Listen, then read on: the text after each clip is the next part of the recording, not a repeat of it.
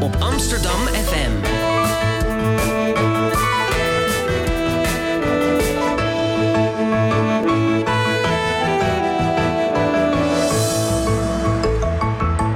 Radio Swammerdam.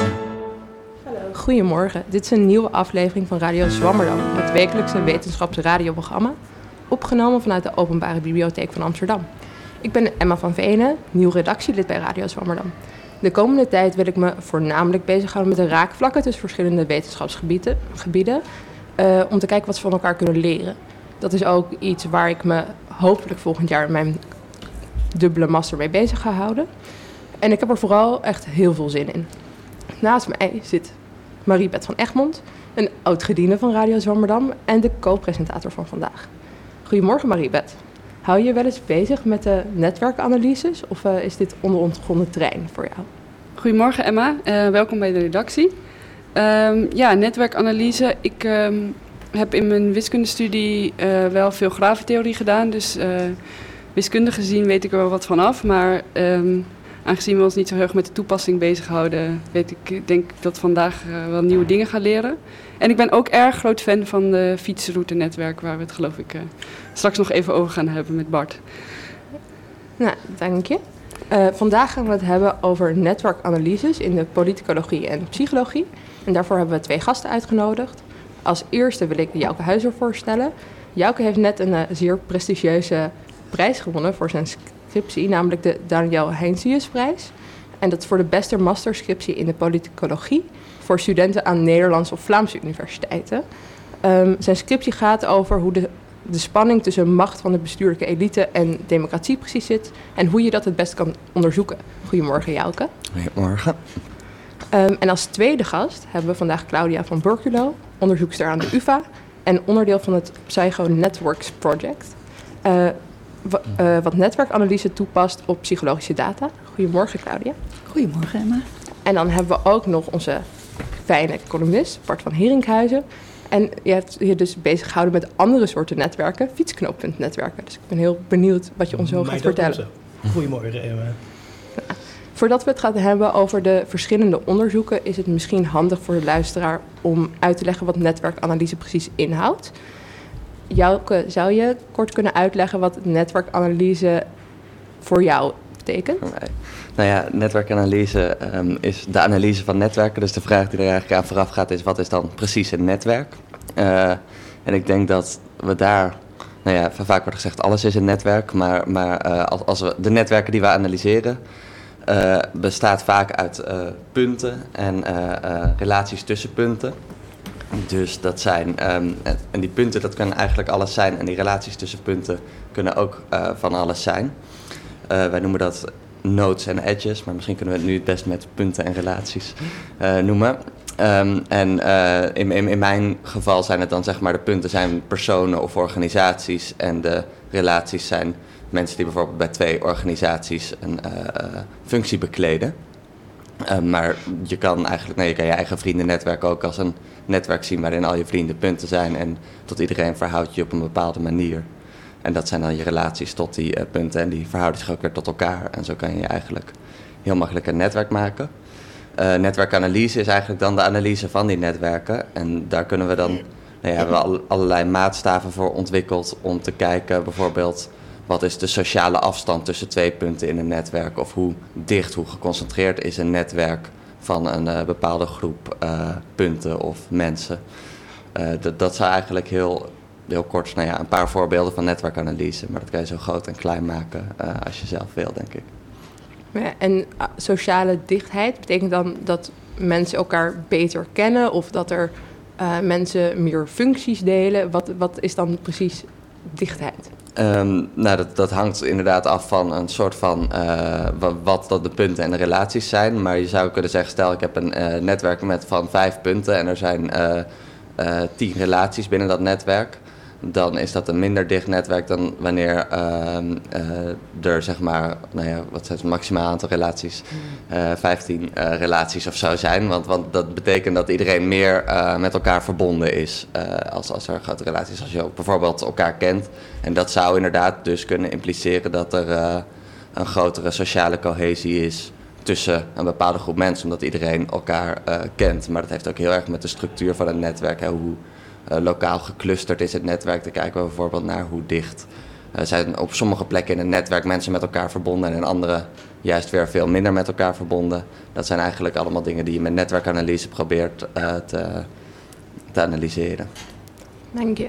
En Claudia, is dat bij jou anders? Doen jullie nog andere dingen met netwerkanalyse of waar focussen jullie je vooral op?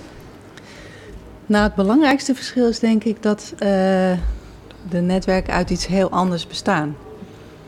Um, bijvoorbeeld de, de punten in de netwerken waar ik naar kijk, dat zijn uh, vaak symptomen. Uh, en dat is natuurlijk iets heel anders dan personen. en het netwerk is dus een ja, systeem van symptomen die bijvoorbeeld elkaar kunnen beïnvloeden of niet. Dus een relatie tussen symptomen geeft aan in welke mate ze elkaar beïnvloeden. Ja, en gaat die, gaat die relatie dan ook altijd vaak twee kanten op? Of kan je ook een onderscheid maken tussen positieve verbanden en negatieve verbanden? Ja, dat klopt. Uh, soms heb je uh, negatieve relaties tussen symptomen. Bijvoorbeeld, nou ja, bij, ik kijk dan vaak naar depressie. En depressie heeft als symptoom slaaptekort of te veel slapen. Nou ja, dan is het op zich heel logisch als je daar een negatief verband natuurlijk tussen vindt. Um, en je vroeg van, gaat het twee kanten op? ja, dat ligt er ook een beetje aan als je kijkt naar een individu. En een netwerk van een individu. Um, dan kijk je eigenlijk naar relaties over de tijd. Um, en dan gaat het natuurlijk wel één kant op. Hoewel het ook dan, ja, het kan allebei de kanten dan opgaan. Het ligt eraan uh, hoe dat zit bij die persoon. Maar sommige netwerken zijn ook ongericht. Dus dan weet je niet welke kant het op gaat. En dat is weer bijvoorbeeld als je kijkt naar cross-sectionele data.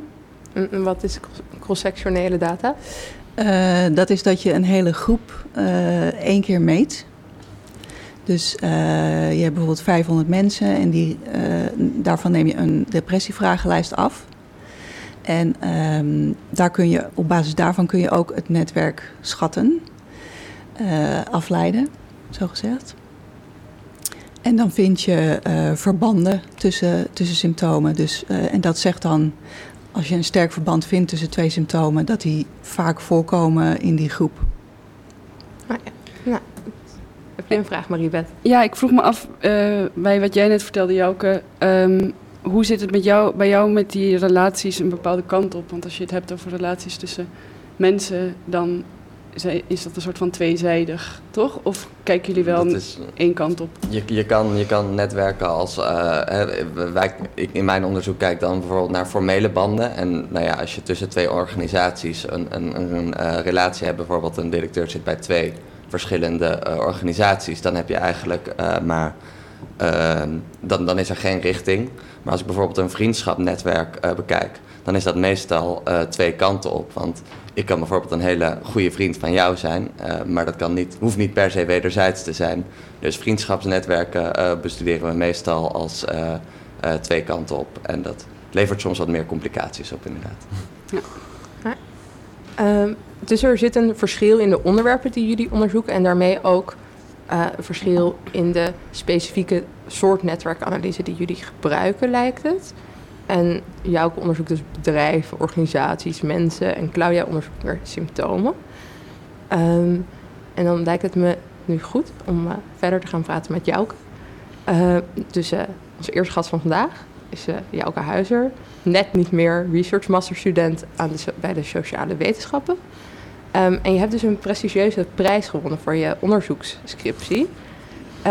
Wat maakt jouw scriptie over de bestuurlijke elite Um, en hoe dit op dit moment onderzocht wordt zo interessant. nou, dankjewel voor deze lovende introductie. um, um, wat, wat maakt mijn. nou, wat, wat ik denk dat, dat het heel interessant maakt, is eigenlijk. Of wat ik er interessant aan vind, is eigenlijk de vraag van nou, wat, is nou eigenlijk een elite? En uh, dat is een concept dat heel vaak gebruikt wordt, uh, ten positieve, maar vaak uh, ook ten negatieve. En voor, voor mij, wat ik er het interessant zijn vinden is, is dan om te kijken naar hoe kunnen we dan ook bepalen wat die elite is. Want er wordt veel over gepraat, maar kunnen we nou echt zeggen van welke mensen behoren wel tot die elite en welke mensen horen niet bij die elite. En, en daar heb je dan weer theorie en ook empirie voor nodig, omdat, omdat het... Uh, en ja, in het huidige onderzoek bestaat er eigenlijk nog niet, heb ik het gevoel, een hele duidelijke conceptuele en uh, empirische eigenlijk afbakening van de elite, specifiek dan in mijn geval de bedrijfselite die ik onderzoek. Ja. En wat is dan precies de bedrijfselite? Um, dat, dat, is een hele goede vraag. Um, uh, kijk, als je, als je bijvoorbeeld kijkt naar de, de, de machtigste uh, uh, mensen, de top 200 machtigste mensen die de Volkskrant elk jaar publiceert, waar ook overigens een netwerkanalyse uit de grondslag ligt, dan kom je op één kom je bijvoorbeeld Ralf Weijers tegen, um, ik geloof de oud-CEO van Axo Nobel. Je komt Jeroen van der Veer tegen, Ben van Beurden van Shell. Nee, allemaal mensen die, die dus blijkbaar heel machtig zijn, althans als we de Volkskrant mogen geloven. Um, en, en dan is eigenlijk de vraag, kunnen we die mensen een elite noemen? Uh, en een hele simpele, uh, simpel idee van een elite is eigenlijk dat zijn de beste in ieder veld. Uh, dus dat zijn de, de, de, de, machtigste mensen in bijvoorbeeld een bepaalde natiestaat.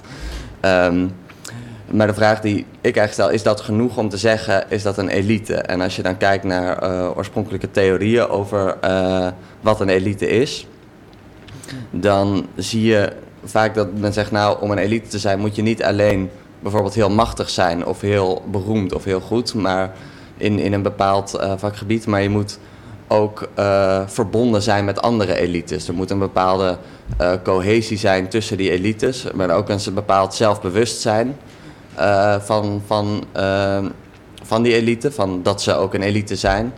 En ook een gezamenlijke wil om te zeggen, wij uh, wij willen ook als één elite handelen. Wij hebben zeg maar eenzelfde uh, doel voor ogen. Uh, de, de beroemde drie C's zijn dat geloof ik. De, de, de cohesiveness, consciousness en conspiracy. Wat dus, nou ja, en dat conspiracy is dan niet een samenzwering. Dat heb je niet per se nodig om een elite te bepalen. Maar meer een, een nou ja, gezamenlijke wil tot, tot handelen. en dan is de vraag, hoe kunnen we dan empirisch bepalen wie, wie dat allemaal hebben, wie die criteria hebben. Bovenop dat ze natuurlijk wel een bepaalde uh, machtspositie moeten hebben, uh, zou je verwachten in ieder geval. Dus je moet, nou ja, in eerste instantie denk ik wel aan de top van een bepaald bedrijf staan, in het geval van de bedrijfselite, om überhaupt uh, kans te maken om daartoe gerekend te worden. Maar dat betekent nog niet per se dat je ook deel bent van die elite. Ja, want ik vroeg me heel erg af, wat is dan het verschil? Je hebt in het marxisme heb je de bourgeoisie, de elite, en hoe is dat dan anders dan een bedrijfselite? Of is dat hetzelfde? Of hebben we dan een uh, bedrijfselite en een culturele elite en overlappen die dan ook met elkaar? Of hoe, onderzoek je? Nou, dat is denk ik een hele, hele belangrijke vraag waar uh, uh, menig academisch debat al over gevoerd is. Maar inderdaad, zijn er is er één elite of zijn er verschillende eliten? Dus dat is ook, ook nou ja, vanuit democratisch oogpunt een hele belangrijke vraag. Want als er één elite is, dan hebben zij de macht en dan is er niet, niet veel ruimte om daar, daar, daar uh, iets aan te veranderen. Maar als er meer elites die met elkaar in competitie zijn, dan biedt dat meer ruimte voor verandering en voor democratische controle uh, ook uh, van die elites. Want je kan je elites bij wijze van spreken wegstemmen en een andere elite aan de macht helpen. Um, wat, wat specifiek, nou ja, de, de, de conceptuele vraag van is het een heersende klasse of een bedrijfselite of uh, naar de 1%, het Old Boys netwerk. Zo kan je nog even doorgaan. Uh, de powers that be, wordt uh, in Amerika wel eens gezegd. Um, dat, ja, er, zitten hele subtiele of ja, kleine conceptuele verschillen. Je zou kunnen zeggen, een klasse is veel groter dan alleen maar de specifiek de elite. Dus de, mensen die echt in, in macht zitten tegelijkertijd worden bijvoorbeeld de klassebelangen. Als je, als je ervan uitgaat dat er een heersende klasse of een economische hogere klasse bestaat, worden die vaak uh, het meest gepropageerd, uh, meest uh, behartigd door, door de, de, nou ja, de corporate elite, de bedrijfselite, de mensen die in die posities zitten en die elkaar dan ook ja, via een soort old boys netwerk kennen. Want het zijn hoofdzakelijk mannen, eigenlijk overal ter wereld, die in die bedrijfselite zitten. En waarom is het belangrijk om hier onderzoek naar te doen? Gaat het dan voornamelijk dus over een soort van de, de democratische problemen die dit misschien oplevert? Ehm, er, nou, er, wordt heel veel verschillende, uh, vanuit heel veel verschillende invalshoeken gedaan. Sinds de jaren negentig zie je eigenlijk dat het type onderzoek, het type onderzoek wat wij doen, begon eigenlijk in nou ja, uh, begin 20e eeuw en was, had vooral een kritische marxistische inslag van we willen de uh, heersende klasse in kaart brengen. Um, later in de jaren 70 was dat er ook nog wel, maar kwam er ook een, een meer nou ja, elitistische of anti-elitistische theorie op eigenlijk die niet zozeer ging um, over, over nou ja, de, de, de heersende klasse, maar wel uh, over nou, wie, wie hebben nou eigenlijk de macht. En uh, dat is belangrijk.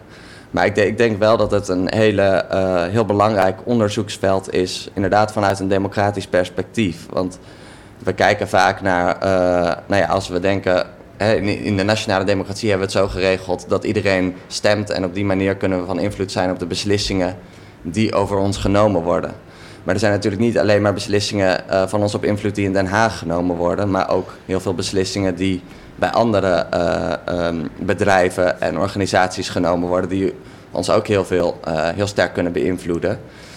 maar binnen bedrijven is het vaak niet zo dat er een democratie geldt of dat hè, onze, onze, ja, de beslissingen die daar genomen worden, dat wij daarvan invloed op zijn. Dus zeg maar, er zijn daar mensen met heel veel macht, wiens beslissingen door maar heel weinig worden beïnvloed, maar die wel op heel veel mensen invloed uh, hebben. En dat staat wel in een spanning met uh, democratische uh, besluitvorming, denk ik. En zeker in een tijd waarin bedrijven steeds belangrijker worden, steeds meer geprivatiseerd is, denk ik dat we ook onze aandacht misschien daarmee wat meer moeten verleggen naar wat er gebeurt dan binnen die bedrijven als machtsarena's op zichzelf.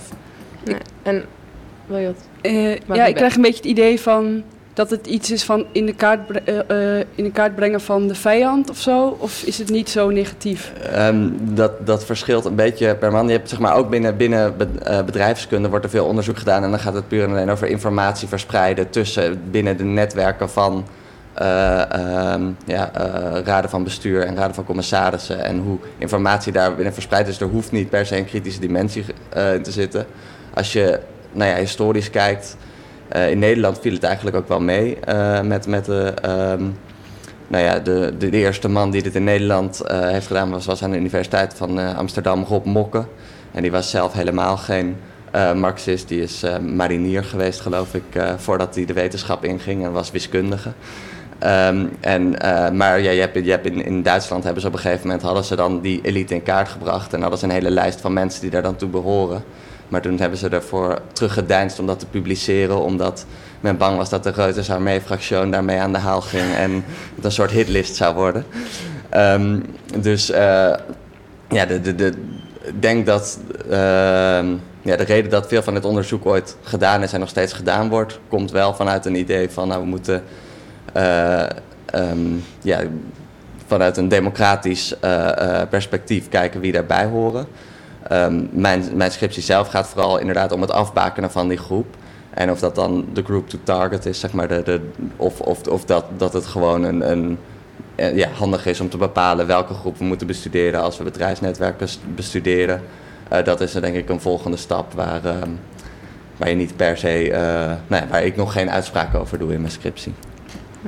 En als je dit dan onderzoekt, dan heb je het over bedrijven, maar ook over personen. Maar als we het hebben over die punten in het netwerk, zijn dat dan bedrijven of zijn dat personen?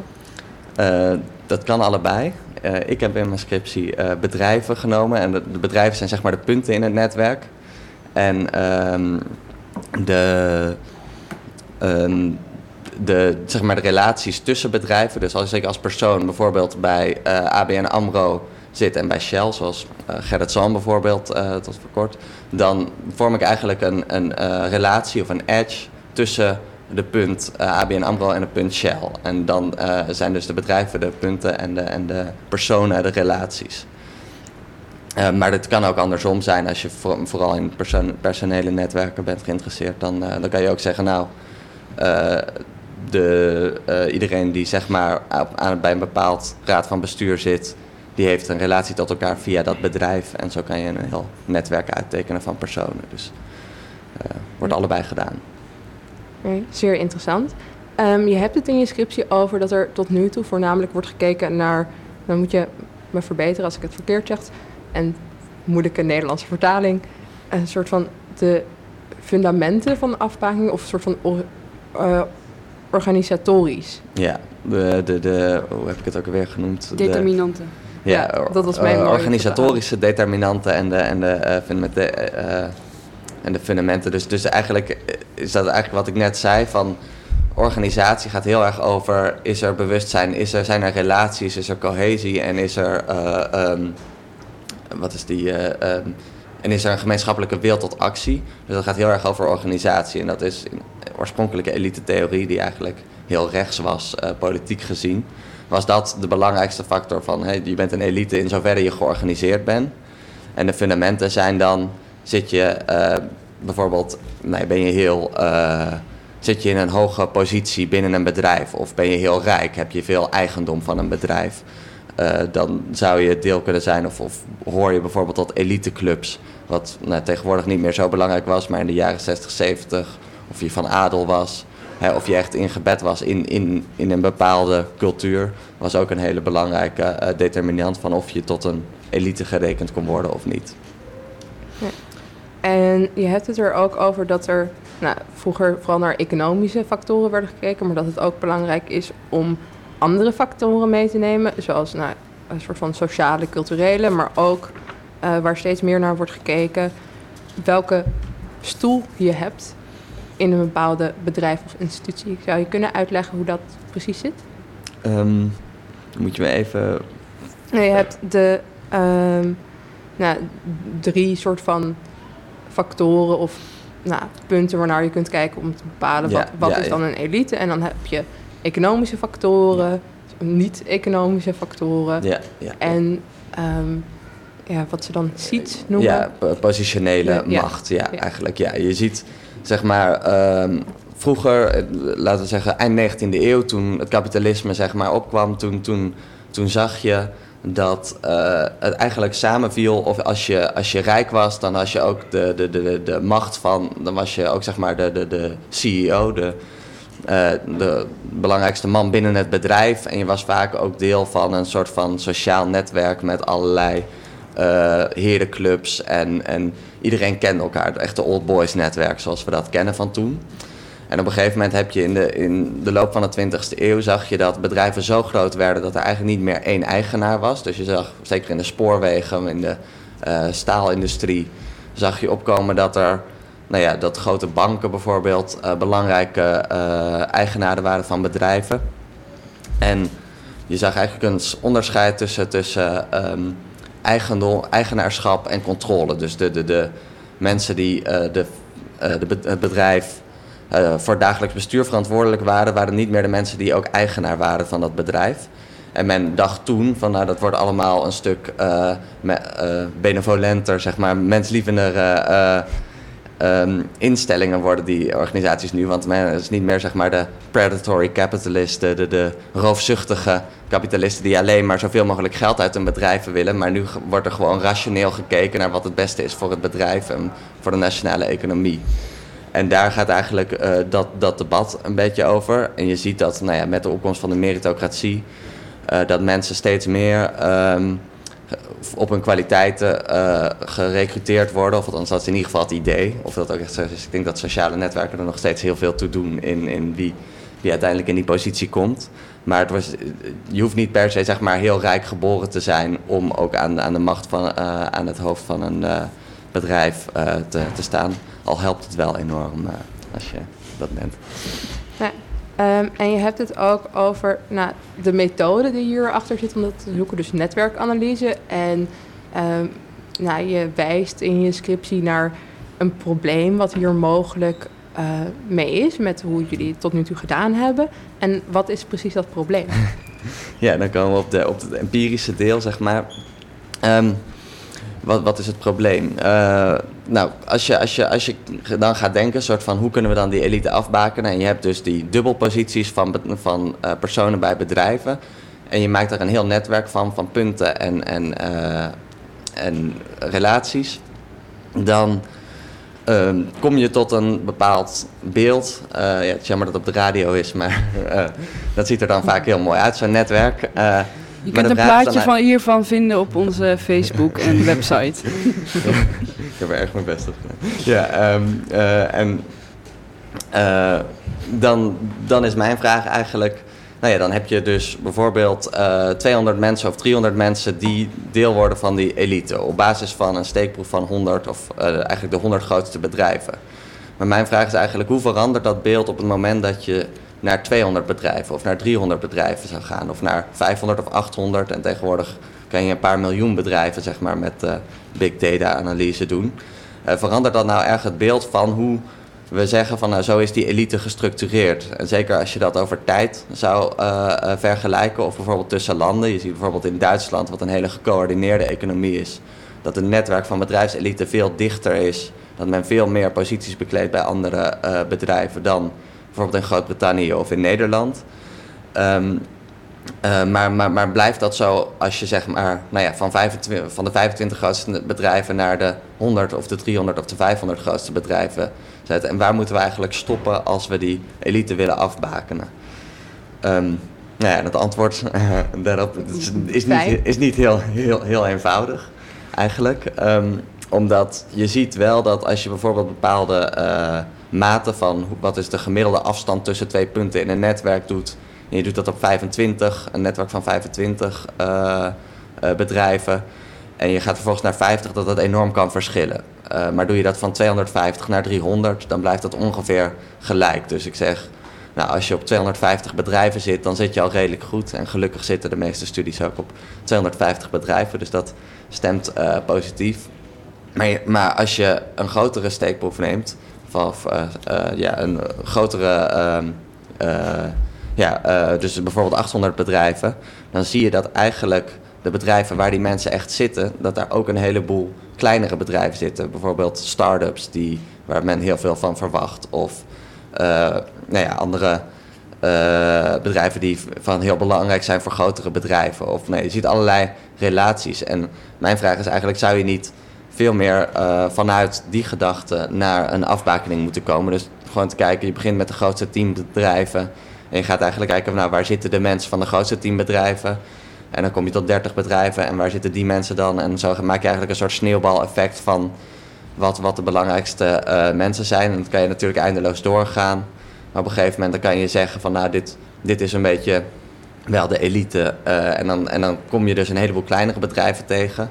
Maar heb je denk ik wel een eh, veel sterkere afbakening van, eh, van wat, wat dan echt die bedrijfselite is. Dus ja, ik zeg van laten we in ieder geval gaan onderzoeken of er ook alternatieve manieren zijn dan gewoon te zeggen we nemen de 100 grootste of we nemen de 200 grootste bedrijven in een vorm van een bepaald netwerk. Ja, heel interessant. Ehm, heeft eh, een van onze andere gasten nog een vraag aan Jouke? Voordat we... Nou, ik vroeg me wel af, ehm, die netwerkanalyse, hoe wordt die nou precies gedaan eh, in het algemeen? Dus je maakt, een, je maakt zo'n netwerk, eh, en, maar dat ga je dan niet vervolgens met de hand eh, uittekenen, neem ik aan. Er wordt, er wordt dus een, wordt een computeranalyse overheen gegooid, denk ik, toch? Ja. En daar komen allerlei verbanden uit rollen. Nou ja, de, de, eerste netwerkanalyses die werden in de jaren eh 60, 70 dus gedaan. En dat ging nog met ponskaarten.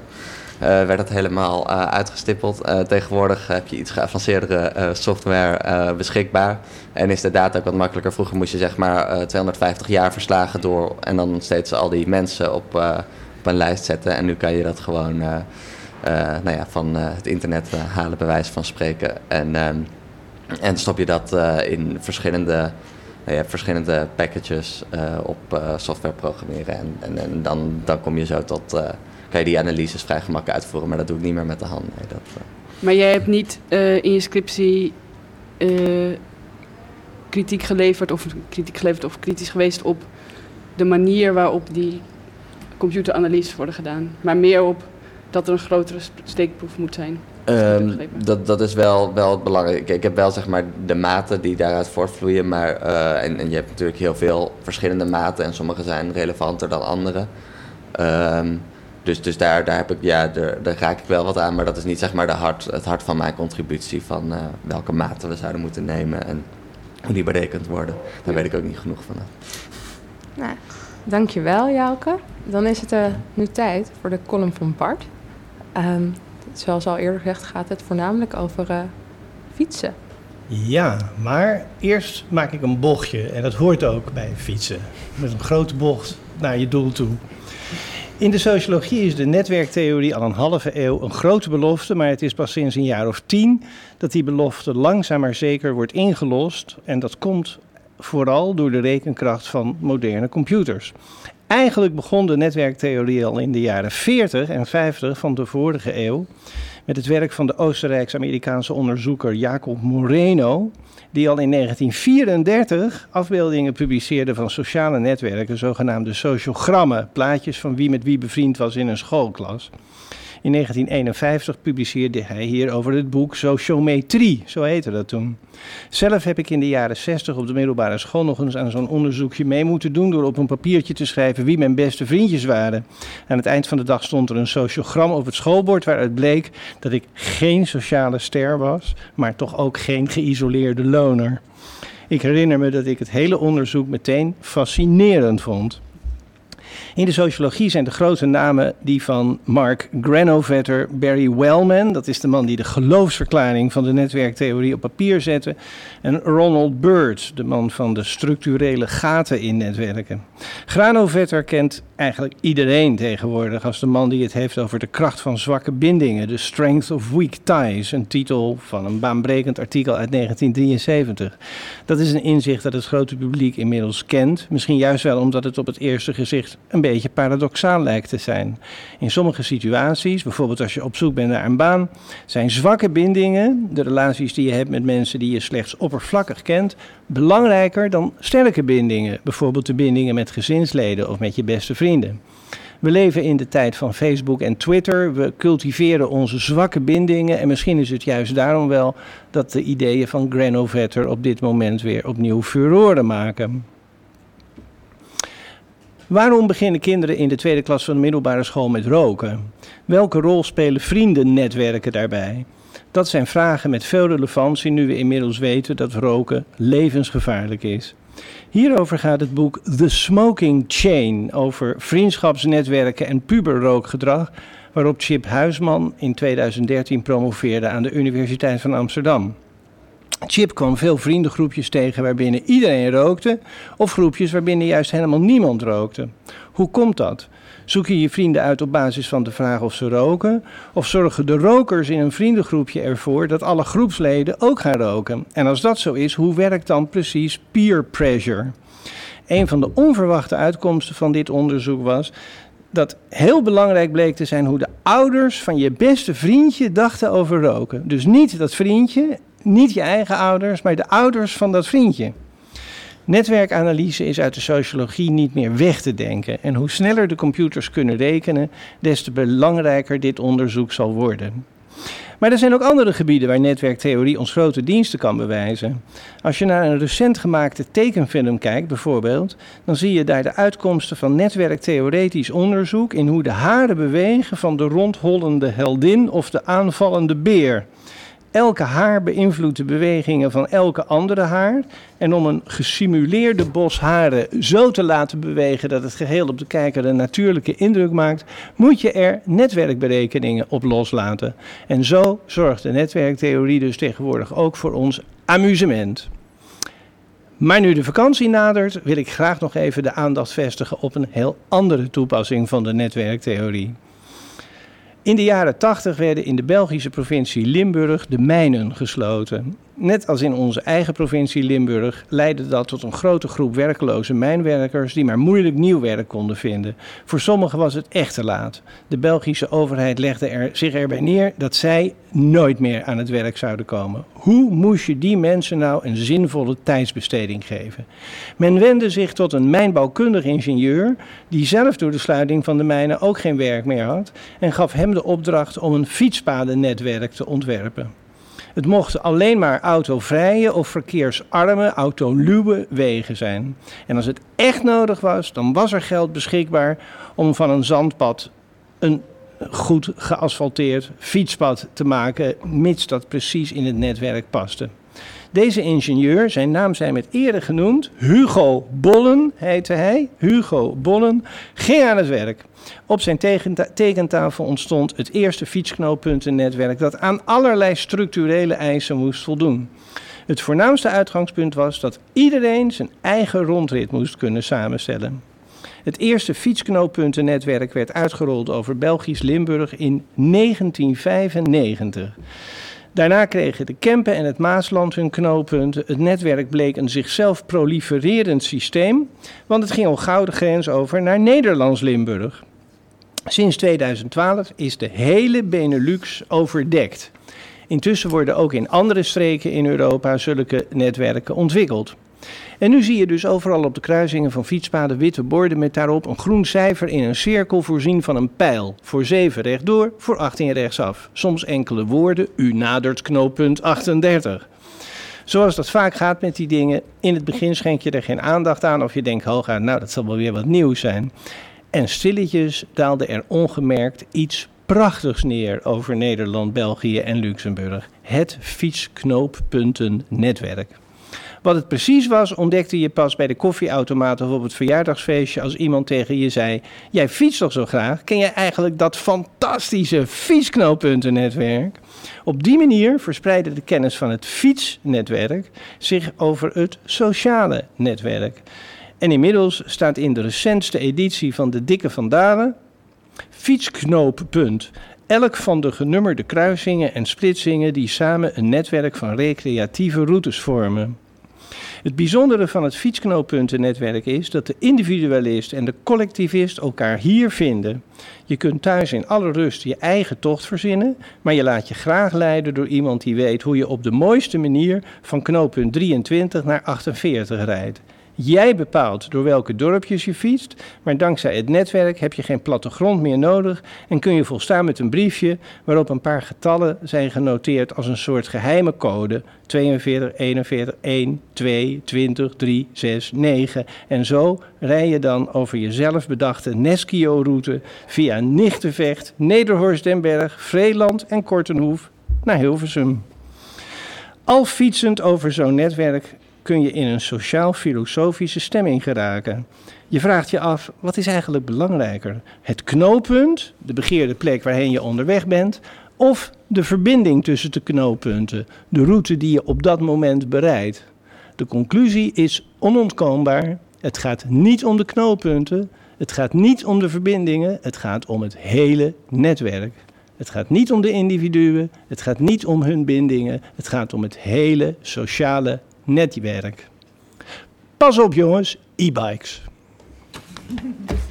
Dankjewel Bart. Um, Marie-Beth, fiets jij ook zo graag? Ja, en ik ben ook een groot fan van het uh, fietsknooppuntennetwerk. Want ik, uh, vroeger fietste ik altijd met mijn vader op fietsvakantie um, die fietsroutes, LF, landelijke fietsroutes.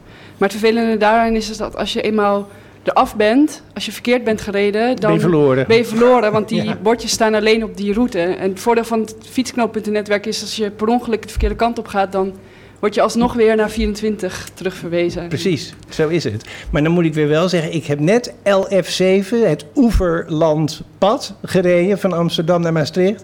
En dat over de Strabrechtse heide, dat is ook wel prachtig. Dat is ook een warm, warm aanbeveling waard. Maar als je dan de weg kwijt bent, dan kun je alsnog gebruik maken van de en, dan, en ik raak regelmatig de weg kwijt. En dan via het, fietsknooppuntennetwerk kom ik weer op het goede pad terug. Precies. precies. nou, Claudia, fiets jij ook graag? Um, nou, niet, niet heel specifiek eigenlijk. Nou, misschien een keer iets om uit te proberen. ja, maar nu, ik word wel enthousiast nu van het fietspadennetwerk. Ja. Nou, jullie horen nu Claudia van Burklow. Ze is de tweede gast van vandaag. Uh, ze is onderzoeker bij de UvA en zoals eerder genoemd onderdeel van het Psychosystems Project. Wat houdt het project precies in? Um, ja, dat project houdt in dat we dus um, op een andere manier naar mentale stoornissen uh, gaan kijken. Uh, we benaderen het namelijk als uh, netwerken van symptomen. Dat is eigenlijk wat het inhoudt, heel globaal gesproken. En ik las dat jullie stellen dat er de afgelopen decennia weinig vooruitgang is geweest in de psychopathologie. En dat dat mogelijk te wijten is aan, aan hoe je naar stoornissen kijkt en naar hoe je er naar symptomen gekeken wordt. Ehm, zou je eerst kunnen uitleggen wat psychopathologie precies is? Uh, ja, psychopathologie, dat zijn dus uh, eigenlijk mentale stoornissen. En dan kun je denken aan uh, depressie of obsessief-compulsieve stoornis of posttraumatische stressstoornissen, dat soort dingen. En um, ja, die vooruitgang die er niet echt is, komt misschien omdat men eigenlijk niet naar de symptomen zelf kijkt, maar meer um, ja, om bijvoorbeeld te bepalen van hoe kun je iemand behandelen, uh, wordt er meer gekeken naar hoeveel symptomen heeft iemand. En daarmee kun je de ernst bepalen en daarmee kun je afstemmen uh, wat voor soort therapie het beste kan werken. En kun je misschien uitspraak doen over hoe lang het duurt voordat iemand um, beter gaat worden. En dat is natuurlijk op zich heel waardevol, maar wat je daarmee eigenlijk niet bekijkt is uh, individuele verschillen. Dus iemand met uh, zeven symptomen, bijvoorbeeld, uh, die kan toch hele andere klachtenpatronen hebben dan iemand anders met zeven symptomen. En um, wij denken dat daar een heleboel meer informatie uit valt te halen. En hoe gaan jullie dit dan pas, pakken jullie dit anders aan? Wat is jullie andere kijk op symptomen?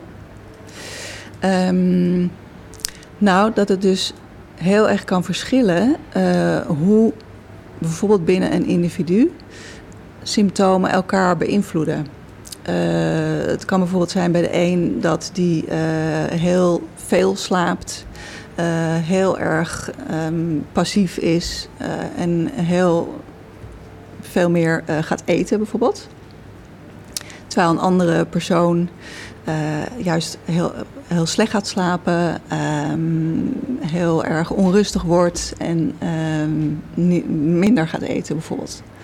En door te kijken van hoe, hoe gaan die patronen binnen een individu, zou je mogelijkwijs veel gerichter een interventieplan op kunnen stellen. En stel, want dat is nog een uitdaging binnen de psychopathologie Stel dat je uh, eenmaal het netwerk hebt van een persoon. Uh, maar om daar te komen, uh, dat is dus nog niet zo makkelijk. Maar misschien daarover zo nog wat meer. Maar stel dat je, dat, je dat hebt. dan zou je dus kunnen kijken, oké, welk symptoom is het meest centraal in dat netwerk? Bijvoorbeeld, zoals Jouke net had over conspiracy. dus je kan iemand hebben die wel een hoge machtspositie heeft. Alleen gaat het erom, uh, heeft hij ook veel invloed? Is er veel samenwerking met andere uh, mensen die ook een hoge machtspositie hebben? En uh, dat zou je bijvoorbeeld in mijn geval kunnen bekijken. Zo van, oké, een symptoom kan bijvoorbeeld heel sterk voorkomen bij iemand of binnen een groep.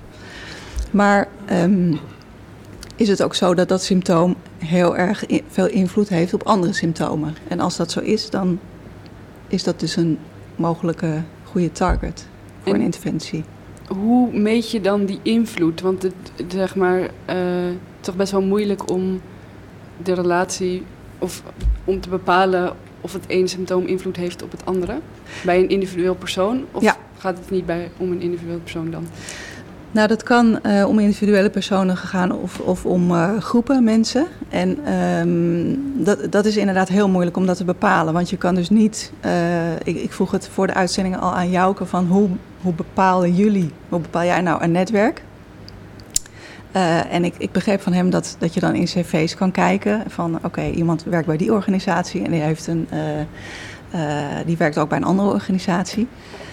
Um, bij iets als depressie is dat natuurlijk heel moeilijk. Want hoe weet je nou hoe het netwerk van symptomen is? Dat kun je niet ergens uh, opzoeken of, of, kijken in iemands brein of wat dan ook.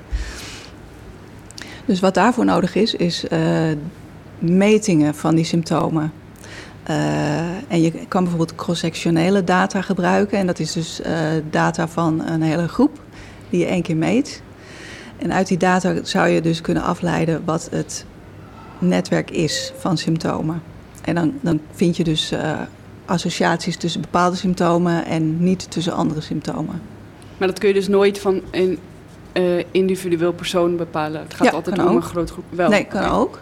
Je kan ook van één persoon, eh, die kan je meten over de tijd. Hm. En dan krijg je dus eh, temporele associaties in feite.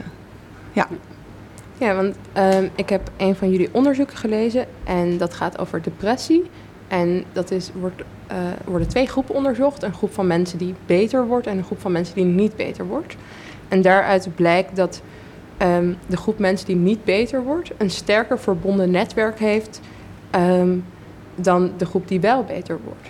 En zou je kunnen uitleggen wat dan precies sterker verbonden is... en hoe een mogelijke hypothetische verklaring voor waarom een sterker verbonden netwerk ook kan leiden tot minder grote kans op genezing, als je dat zo kan noemen. Ehm, ja, een sterker verbonden netwerk eh, houdt dus in dat dat, eh, dat netwerk meer verbindingen heeft. eh, of sterkere verbindingen. Of allebei. En meer en sterkere verbindingen. Ehm, en wat betekent dat? Ja, we vonden inderdaad dat de groep die niet opknapt een sterker verbonden netwerk eh, heeft. Ehm, en dat is op zich heel interessant. Eh, maar wat het precies betekent, weten we eigenlijk ook niet. Het is op zich een interessante bevinding. En wat, wat je eigenlijk ziet, is dat eh, in de groep die niet opknapt en die dus een sterk verbonden netwerk heeft, is dat blijkbaar bepaalde symptoomparen eh, en meer symptoomparen eigenlijk, meer symptoomparen tegelijk voorkomen bij eh, mensen in die groep.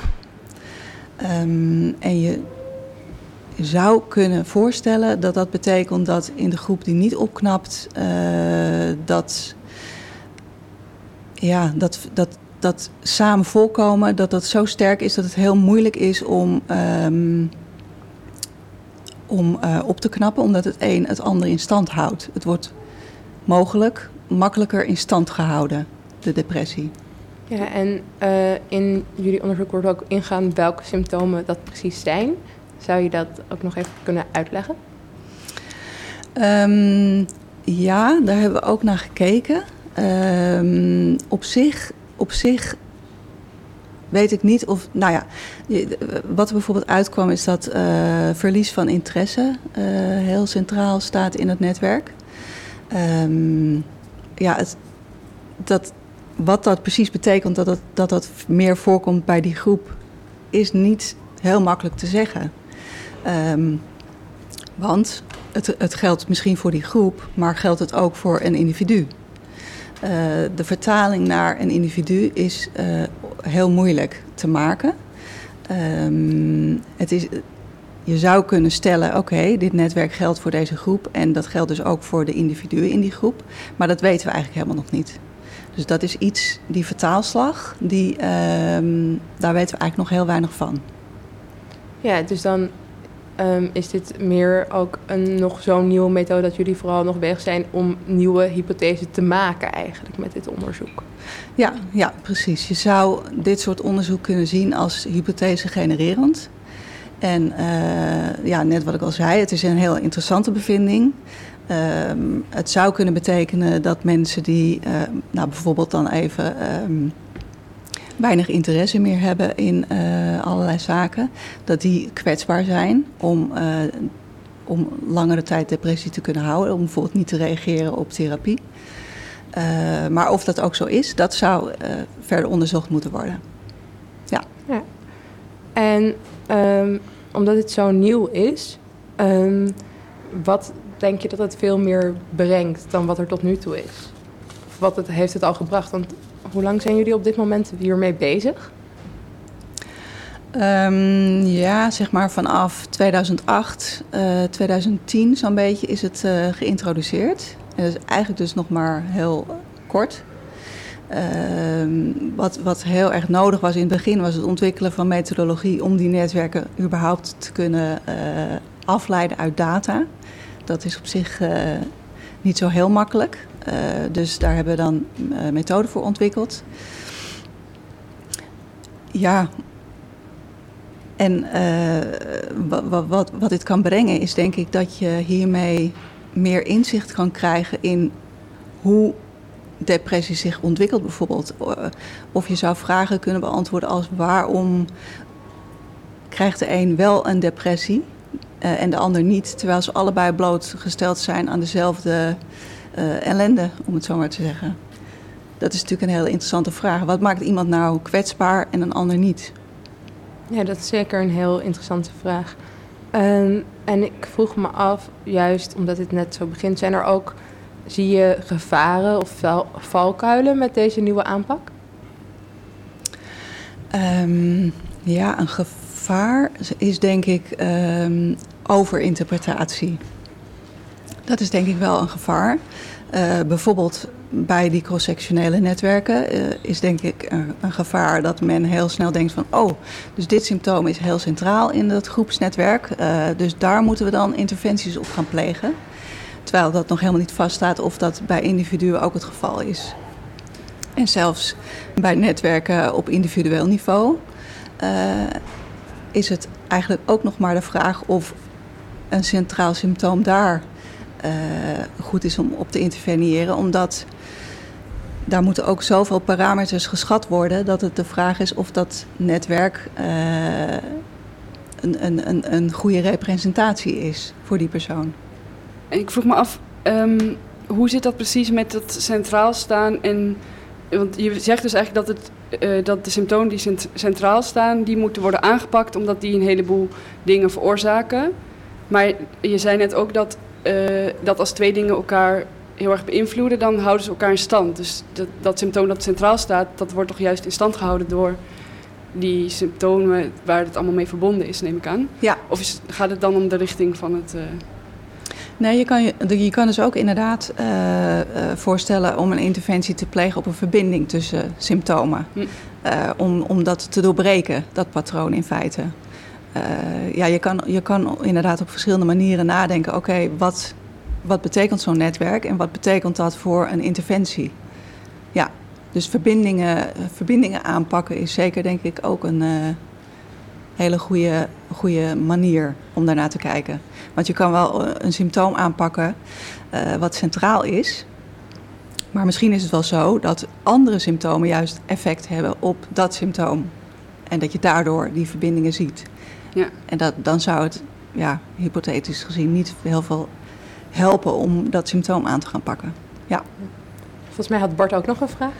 Ik vroeg me af of de, of de uh, klassificatie van geestelijke problemen niet wordt opgeblazen door jullie uh, aanpak. Je hebt zo'n DSM en daar staan dan keurig in van deze ziekte is dit en die ziekte is dat. Maar ik begrijp dus dat jullie het zien als een complex van uh, symptomen, waarvan sommige ook overlappen natuurlijk. Slapeloosheid, dat hoort bij een heleboel verschillende geestelijke problemen. Dus is het niet zo dat je eigenlijk door een, een, een geestelijke ziekte niet te zien als een ding met bepaalde eigenschappen, maar als een, als een netwerk, dat je eigenlijk de, de klassieke, de traditionele klassificatie helemaal uh, in gevaar brengt? um, ja, dat is een goede vraag. Uh, ik, ik denk eigenlijk op zich dat uh, die, de huidige klassificatie dat daar niet zo heel veel uh, mis mee is. Want dat, dat, dat, dat wordt dan vaak uh, gesteld. Oké, okay, als je het bekijkt als een netwerk, zou je dus eigenlijk die hele DSM ook anders moeten gaan uh, bekijken. Ja. ja. Um, ik denk niet dat dat zo is, omdat op zich natuurlijk een, een optelsom van iemands symptomen ook al heel veel zegt. dat zegt al heel veel over hoe ernstig iemand eraan toe is. Uh, ik denk ook niet dat het dus het een of het ander is. Ik denk meer dat het elkaar kan aanvullen. Uh, ik denk om een diagnose te stellen is de DSM heel goed. Maar misschien om uh, een therapie te bepalen, zou het voordeel kunnen hebben om naar iemands patronen te kijken. Okay. En daarmee kan je dus een meer ja, persoonsgerichte benadering ja. bepalen. Ja, dat is zeer interessant. En um, ik vroeg me af, nou, jullie zijn dus net begonnen, maar wat zijn jullie plannen voor de toekomst met deze vorm van onderzoek? Uh, ja, er zijn natuurlijk heel veel plannen en iedereen heeft zijn eigen plannen. Uh, dus misschien moet ik het maar houden bij, bij mijn eigen plannen. Dat is um, heel goed. Ja, wat, wat, mij heel, wat ik heel interessant vind is ehm, wat nou de relatie is tussen netwerken op groepsniveau en op individueel niveau. Omdat ik op zich zie ik wel heel veel in eh, individuele netwerken voor, eh, om, om, om een interventie op, op, eh, op in te richten. Maar ik denk dat er toch ook wel heel veel, heel veel ehm, overlap is tussen bepaalde patronen. En daar, daarin ben ik heel in geïnteresseerd van hoe sterk lijken individuen op elkaar of hoe sterk niet. Um, en verder zou ik heel graag willen kijken naar symptoompatronen over een hele lange periode. Um, omdat nu het, het, onderzoek naar individuele netwerken gaat meer over emoties en niet zozeer over symptomen. En uh, daar zou ik heel graag uh, naar willen gaan kijken. Ja. Dankjewel. Ik hoor inmiddels de eindtune lopen, dus we moeten gaan afronden. Um, alle twee hele interessante onderzoeken die zich op een andere, maar toch ook wel dezelfde manier bezighouden met netwerkanalyse als methode. Um, dan wil ik graag als eerste alle gasten bedanken voor vandaag. Bedankt Jouke Huizer. Succes met het vinden van een andere plek om verder te gaan met onderzoek doen. Jullie ook bedankt voor de uitnodiging. Graag gedaan. En dankjewel Claudia. Uh, succes met alle grote nieuwe toekomstplannen. En uh, hopelijk uh, horen we er nog veel meer van. Dankjewel. En, uh, dankjewel mijn co-host Marie Bet. Ja, voor het uh, me goed begeleiden bij mijn allereerste Succes uitzending. komend jaar. Dank je. En natuurlijk, dankjewel Bart voor uh, het twee keer achter elkaar komen opdagen. Nu ga ik fietsen. en heel erg bedankt onze man achter de knoppen, Luc Brandt. Um, en volgende week is er een nieuwe uitzending met onze ook nieuwe redacteur Afke Kok die het gaat hebben over de wetenschappelijke inzichten en mogelijke oplossingen voor de klimaatproblematiek. Ten slotte wil ik graag alle luisteraars bedanken. Vond je deze uitzending interessant? Abonneer je dan op onze podcast. Dit kan via iTunes of andere kanalen waarmee je podcast kan luisteren. Uh, zo hoeft u nooit meer een uitzending te missen. Uh, was u het eens met iets of juist niet en heeft u tips of vragen? Surf dan naar onze website www.radiozwammerdam.nl of stuur een mailtje naar redactie.radiozwammerdam.nl. Maar het leukste, het allerleukste, blijft als u live langskomt in de studio op zondagochtend. Mijn naam is Emma van Veen.